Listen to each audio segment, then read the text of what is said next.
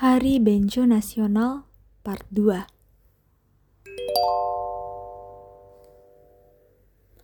Benjamin masih merasa gusar akan kepergian Saras dari mansion ini.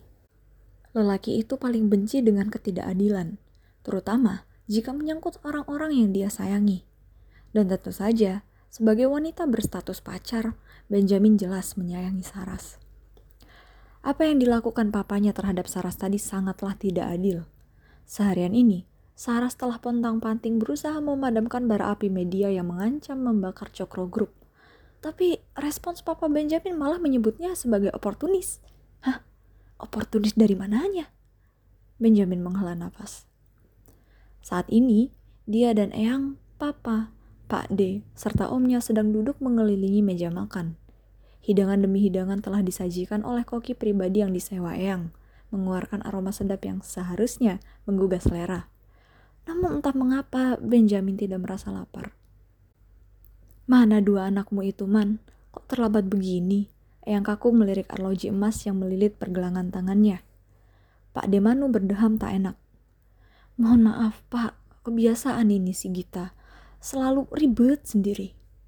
Bersamaan dengan itu, pintu depan kayu gaharu terbuka lebar, diikuti suara langkah kaki bersambutan. Hello family, maaf ya aku datangnya rada telat. Mas Tian nih, kalau nyetir kayak siput. Nona muda Brigita Cokro telah tiba. Adik sepupu Benjamin itu baru saja tiba dari Surabaya, kota di mana Gita sedang menjalankan kuliah strata 2. Plus, tadi itu flightku delay parah. Masa Lenny disutanya molor 2 jam. Gita lanjut merepet sambil menyalimi Pak Niar, mencium pipi Omul, dan memeluk papanya sendiri, Pak Demanu. Kirain kejebak macet, Git celetuk Benjamin sambil mengambil piring di tengah meja. Melihat tingkah laku Gita selalu sukses membuatnya kesal dan lapar. Iya, tadi ngiranya juga bakal gitu. That's why aku inisiatif nyawa jasa Helicity biar hemat waktu. Kilah Gita sambil berjalan menuju Eyang Kakung. Kobo Salim, cium pipi dan peluk-peluk manja dilancarkan adik sepupu Benjamin tersebut terhadap kakeknya. Eyang, sehat? Tanya Gita dengan nada manja. Sehat, Du. Gimana tadi? Kamu jadi nyewa capung? Pinter juga kamu. Sudah bisa kalkulasi waktu dan efektivitas transportasi. Mulai cocok jadi shift wanita pertama di Cokro Group ini si gendek sepertinya. Mendengar Eyang Kaku memuji Gita sedemikian rupa, dada Benjamin mencelus. Ketidakadilan kedua yang dialaminya hari ini, di hari ulang tahunnya, dan sepertinya sejak dulu kala juga. Eyang Kakung kerap kali lebih mengutamakan sepupu Benjamin anak-anak Pak Demanu. Padahal Benjamin telah mengabdi sepanjang hidupnya pada keluarga ini, lulus kuliah tepat waktu, mengambil jurusan manajemen bisnis sesuai permintaan papanya. Benjamin sampai-sampai rela menjadi intern di salah satu anak perusahaan grup saat dia praktik lapangan kuliah S1. Benjamin juga rela mengabdi tiga tahun setelah selesai studi S2-nya, fokus memanjat tangga karir di Cokro Group dengan adil dan sesuai skill, tanpa pernah menjabat sebagai salah satu shift atau pimpinan divisi yang sah. Belakangan ini saja, jabatan Chief Operation Officer berhasil dikantonginya dengan susah payah. Itu pun masih dalam status stand-in alias pengganti. Dan sekarang, Eyang Kakung dengan mudahnya menyebut-nyebut Gita sebagai calon chief wanita pertama di Cokro Group. Semoga saja Eyang bercanda.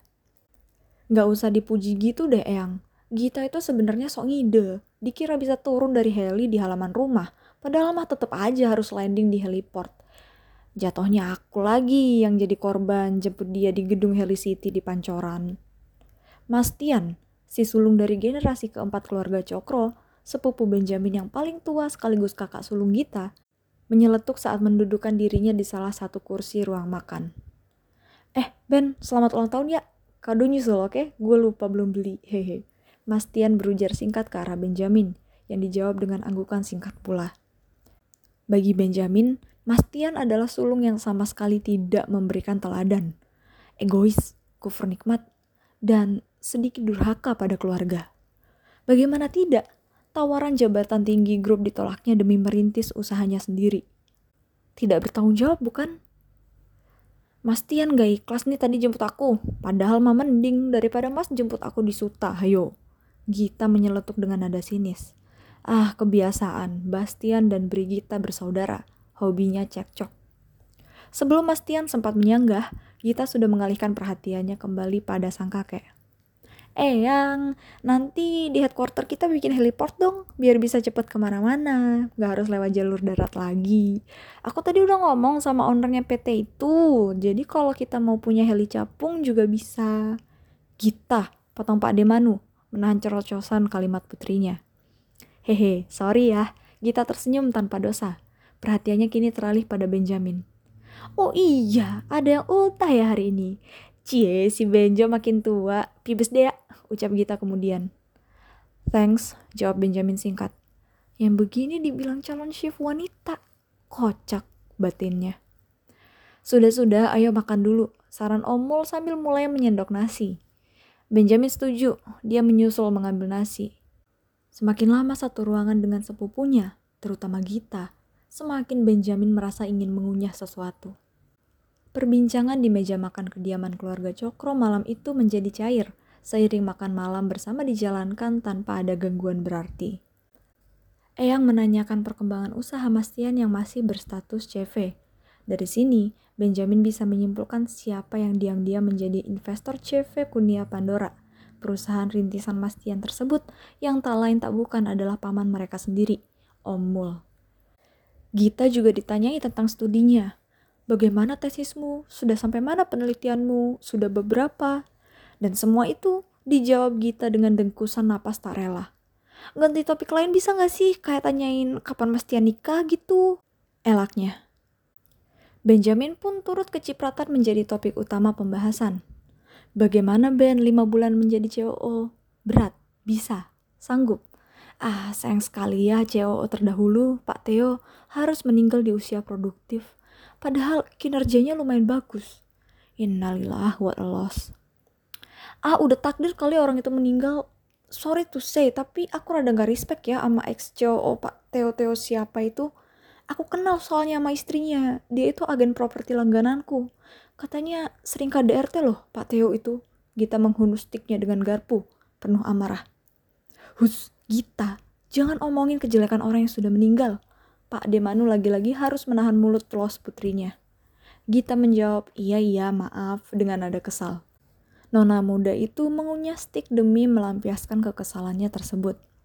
Hingga akhirnya, pada hidangan pencuci mulut, obrolan meja makan ini semakin menjadi serius saat Pak Demanu yang menjabat sebagai CEO, sekaligus tangan kanan Eyang di grup, membuka suara. Sebenarnya saya nggak tahu kalau ini momen yang pas atau tidak, tapi ya mumpung kita lagi pada ngumpul, jadi saya mau umumkan sesuatu. Benjamin baru setengah mengiris krim brulenya. Mastian menghentikan gerak-geriknya, sementara Gita cuek melahap potongan cheesecake di piringnya. Kenapa ya? Tanya Mastian yang kini telah menelungkupkan garpunya. Benjamin ikut memperhatikan. Jadi, ayah berencana akan pensiun dini akhir tahun ini, Tian. Sebenarnya sudah dibicarakan dengan eyangmu juga. Jawab Pak Demanu dengan nada tenang. Apa? Pak De mau pensiun? Kenapa? Terus gimana sama jabatan Pak De sekarang? Benjamin tak dapat menahan suaranya. Satu-satu dong, Ben. Ya intinya, mumpung kita semua di sini, jadi bisa dibicarakan secara langsung. Kamu gak keberatan toh kalau acara makan malam di hari ulang tahunmu ini Pak De Sandra sebentar? Pak Demanu menghirup kopi hangatnya yang baru saja disajikan oleh ART Eyang. Nggak masalah sih Pak De, tapi Benjamin melirik ke arah papanya, Pak Niar, yang menganggukkan kepala. Sepertinya Pak Niar juga sudah tahu masalah ini. Pandangan Benjamin terarah ke Omul, yang juga terlihat tenang, lalu terakhir berhenti di Eyangnya. Sungguh, bapak-bapak penguasa Cokro Group ini sepertinya sudah tahu akan berita ini. Mereka tak tampak terkejut sama sekali. Sudah waktunya kita membicarakan masa depan grup, terutama tentang kalian, cucu-cucu Eyang, calon penerus masa depan. Eyang Kakung berucap sambil memandangi Benjamin, Gita, dan Mastian bergantian. Tapi kan cucu Eyang masih ada satu lagi, Lisa. Dia gimana, ayo? Masa dia bukan cucu Eyang juga? Protes Gita sambil mengunyah cheesecake-nya. Gita, Gita. Kamu tahu sendiri Lisa ndak akan mau terjun di dunia korporasi. Sudahlah, jangan libatkan dia. Lisa biar jadi urusan om saja, ndak apa-apa. Omul menengahi, menjalankan peran sebagai ayah dari Lisa, anak semata wayangnya sekaligus sepupu bungsu Benjamin. Oke, ucap Gita sambil mengambil potongan kue tiramisu dari tengah meja. Rupanya nona muda ini masih lapar. Nah, sudah ya. Sekarang kita bisa mulai. Jadi untuk jabatan CEO otomatis akan kosong ketika Pak Demanu mundur pada akhir tahun ini. Sekarang yang mau tanya, Tian, apa kamu tetap ingin menjalankan usahamu sendiri? Tidak mau ikut andil dalam grup keluarga kita? Eyang Kakung memusatkan perhatiannya pada Mas Tian. Dada Benjamin mencelus lagi. Kenapa Mas Tian dulu yang harus ditanya? Padahal jelas-jelas. Ngapunten, Eyang. Tian tetap akan fokus sama Pandora dan keputusan Tian masih tetap sama. Tian ingin berdikari. Mas Tian menjawab dengan sopan dan tegas, membuat Eyang Kakung mengangguk paham. Baik, kalau Gita gimana, Nduk? Studimu sebentar lagi selesai. Apa kamu mau menggantikan jabatan ayahmu? Eyang kini menghadap Gita Benjamin mengepalkan tangan. Kenapa malah kita? Hmm, CEO ya yang, aduh, kalau itu sih... Mohon maaf, saya harus menyela. Tiba-tiba Pak Niar angkat bicara. Kenapa kita masih harus membahas hal ini? Padahal sudah jelas-jelas terlihat di depan mata siapa dari cucu-cucu Eyang ini yang paling loyal, berpengalaman, becus, dan qualified dalam mengurus grup. Pandangan Paniar tertuju pada Benjamin, anaknya, yang kini mati kutu. Pun diikuti beberapa pasang mata orang-orang di sekeliling meja, yang kini tertuju pada Benjamin semata. Aduh, gue emang ngarep keadilan, tapi bukan gini juga, pak, jerit Benjamin dalam hati. Maksud kamu sih Ben, Niar? Tanya Eyang. Loh, gimana Toyar? Bukannya tadi kamu sendiri yang mempertanyakan kinerja anakmu? Sampai bilang mau dijadikan boneka oleh perempuan oportunis segala? Pak Demanu menanggapi. Pak Niar mengangguk tegas sebelum menjawab. Ya, memang saya akui Benjamin masih banyak kekurangan. Tapi coba kita lihat rekam jejaknya Mas Manu. Coba, siapa yang selama ini paling manut, paling nurut dan setia sama keluarga? Siapa yang semasa kuliahnya rela magang di anak PT Group? Dan siapa yang jelas-jelasnya atas sekarang ini mengabdi untuk grup? Tiga tahun lebih loh, Benjamin telah mendedikasikan diri dan menunjukkan keseriusannya pada Cokro Group. Kenapa sekarang malah tidak dipertimbangkan sama sekali? Perkataan Pak Niar membuat seisi meja terdiam. Benjamin merasa syok. Hening menyergap beberapa detik sampai kemudian dipecahkan oleh dehaman Eyang Kakung. Ya, apa yang dikatakan Niar itu ada benarnya juga. Ucap Eyang Kakung sambil memusatkan perhatian pada Benjamin. Sekarang Eyang tanya, Ben, apa kamu ada keinginan untuk menjadi CEO? Benjamin mengerjapkan mata. Nalarnya bekerja cepat merangkai logika. CEO batinnya. Itu jabatan yang selalu papa gadang-gadang untuk jadi end goal, tujuan akhir gue. Kalau gue jadi CEO, otomatis masa depan perusahaan udah terjamin ada di pundak gue. Gue bakal jadi otak di balik semua keputusan bisnis yang maha penting. Dan semisal, aduh amit-amit aja nih yang meninggal, maka CEO lah yang akan dirujuk menjadi kandidat utama sebagai direktur pimpinan grup. Wah, this is big. Bagaimana, Ben? Tanya Eyang, meleburkan kereta pikiran Benjamin saat itu juga. Benjamin melirik papanya, dan dengan satu pandangan saja, dia yakin dirinya akan dicoret dari kakak kalau sampai menolak tawaran ini. Iya, Eyang, tentu saja, saya bersedia, jawab Benjamin mantap. Ini adalah momen penting dalam hidupnya, dan dalam sepersekian detik, terbersit perasaan lega dan bangga saat melihat sang papa mengangguk setuju. Oke, ucap Eyang dengan ringan. Tapi ada syaratnya. Baik Benjamin, Gita, dan Mas Tian langsung memusatkan perhatiannya pada Eyang. Mul, tukang pijat yang dulu ngabdi sama keluargamu itu, yang asal dalung itu, apa masih hidup orangnya? Eyang tiba-tiba bertanya kepada Omul. Eh, Mbah Tum toh, Pak. Masih, masih. Sehat walafiat, masih mijit juga. Dia sekarang tinggal di Pandalungan desa sama cicit perempuannya. Jawab Omul. Hmm, Cicit. Berarti anaknya temenmu itu ya, yang kuliah di ITB dulu. Lanjut Eyang, membuat cucu-cucunya semakin gagal paham. Enggih pak, yang sempat kerja jadi peneliti di Bosya juga. Eh, tapi kenapa ya pak kok menanyakan mereka? Omul menggaruk kepalanya, bingung. Saya mau minta tolong, nitip Benjamin ke mereka selama dua minggu, kira-kira bisa? Eyang bertanya dengan ringannya, mengindahkan Benjamin yang kini sudah melongo tak tertahankan. What the? Gue mau diapain? Oh, uh, maksudnya gimana gih, Pak? Tanya Omul yang semakin bingung. Iya, Eyang. Ini Eyang mau saya ngapain sih sebenarnya? Benjamin yang merasa ketinggalan tak kalah menyuarakan kebingungan. Eyang Kakung tersenyum tipis sambil memandang Benjamin lamat-lamat. Eyang ingin kamu retret selama dua minggu di desa Pandalungan. M maksud Eyang? Benjamin masih gagal paham. Ben, sebelum kamu dilantik menjadi CEO, Eyang ingin kamu memanfaatkan waktumu yang singkat di sana belajar, mengabdi pada desa, hidup berdampingan dengan masyarakat. Eyang juga ingin kamu membangun sesuatu, membenahi, memperbaiki, dan memperbarui. Apa kamu sanggup, Le? Benjamin berpikir, retreat, dua minggu. Terus gimana sama kerjaan gue? Tanggung jawab gue sebagai COO. Siapa yang bakal handle itu semua? Tapi dua minggu bertahan untuk dapetin jabatan impian itu kesempatan emas yang gak akan datang dua kali. Jadi COO aja gue kudu ngabdi tiga tahun. Lainnya dua minggu bakal diangkat jadi CEO. Saya sanggup Eyang, jawab Ben pasti.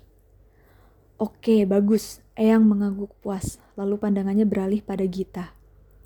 Dok, selama Ben retreat ke Pandalungan, kamu yang akan menggantikan posisi dia sebagai COO sementara, ya?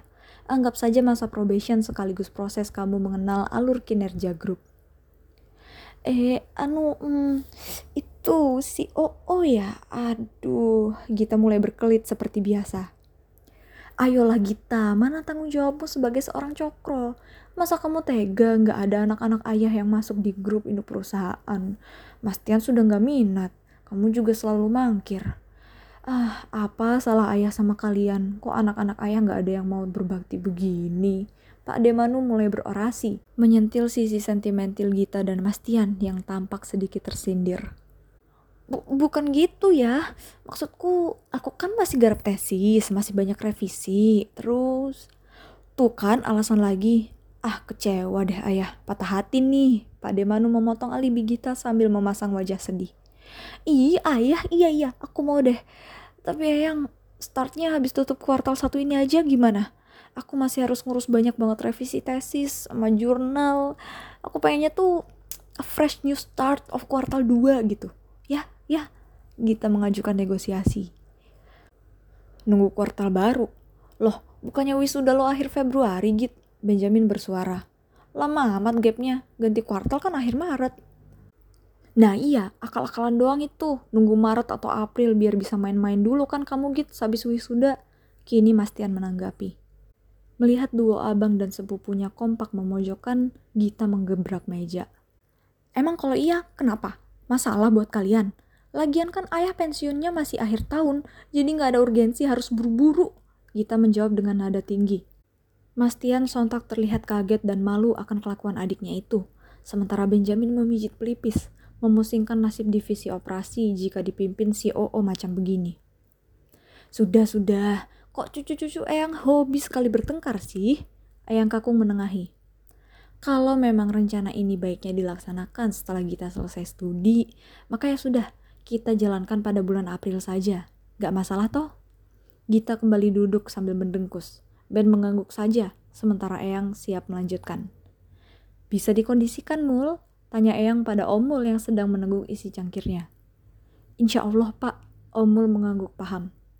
Nah, oke, okay, fix kalau begitu. Ini sudah jadi keputusan yang merupakan win-win di berbagai pihak.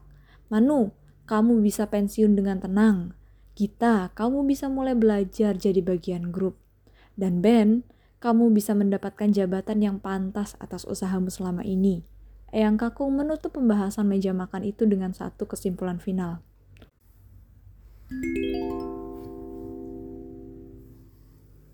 Benjamin menggenggam kunci mobilnya bersiap pergi meninggalkan mansion Eyang setelah tuntas agenda makan malam keluarga. Benjamin berencana untuk kembali ke apartemen pribadinya saat langkah kakinya terhenti karena sebuah panggilan nyaring diikuti derapan suara kaki berlari. Ben, Benjo! Gita menyusul Benjamin yang baru saja menginjak teras depan. Ini, sorry tadi aku teriak-teriak di meja makan. Gita menyerahkan sebuah kotak kecil, berbentuk segi panjang, tak sempat dibungkus dan masih menampilkan logo Tom Ford. Sebuah sticky note kecil bertuliskan HBD Benjo jelek tertempel di sana. Apa ini? Tanya Benjamin sambil membuka kotak itu. Ternyata isinya adalah sebuah dasi berbahan sutra dengan pola gambaran uang seratus ribu rupiah berwarna merah. Benjamin sontak mengembuskan tawa. Thanks Git, ucap Benjamin sambil mengacak rambut pendek adik sepupunya itu. Beberapa menit setelah mengucapkan selamat tinggal pada Gita, Benjamin kini mengendarai mobilnya menembus jalanan ibu kota.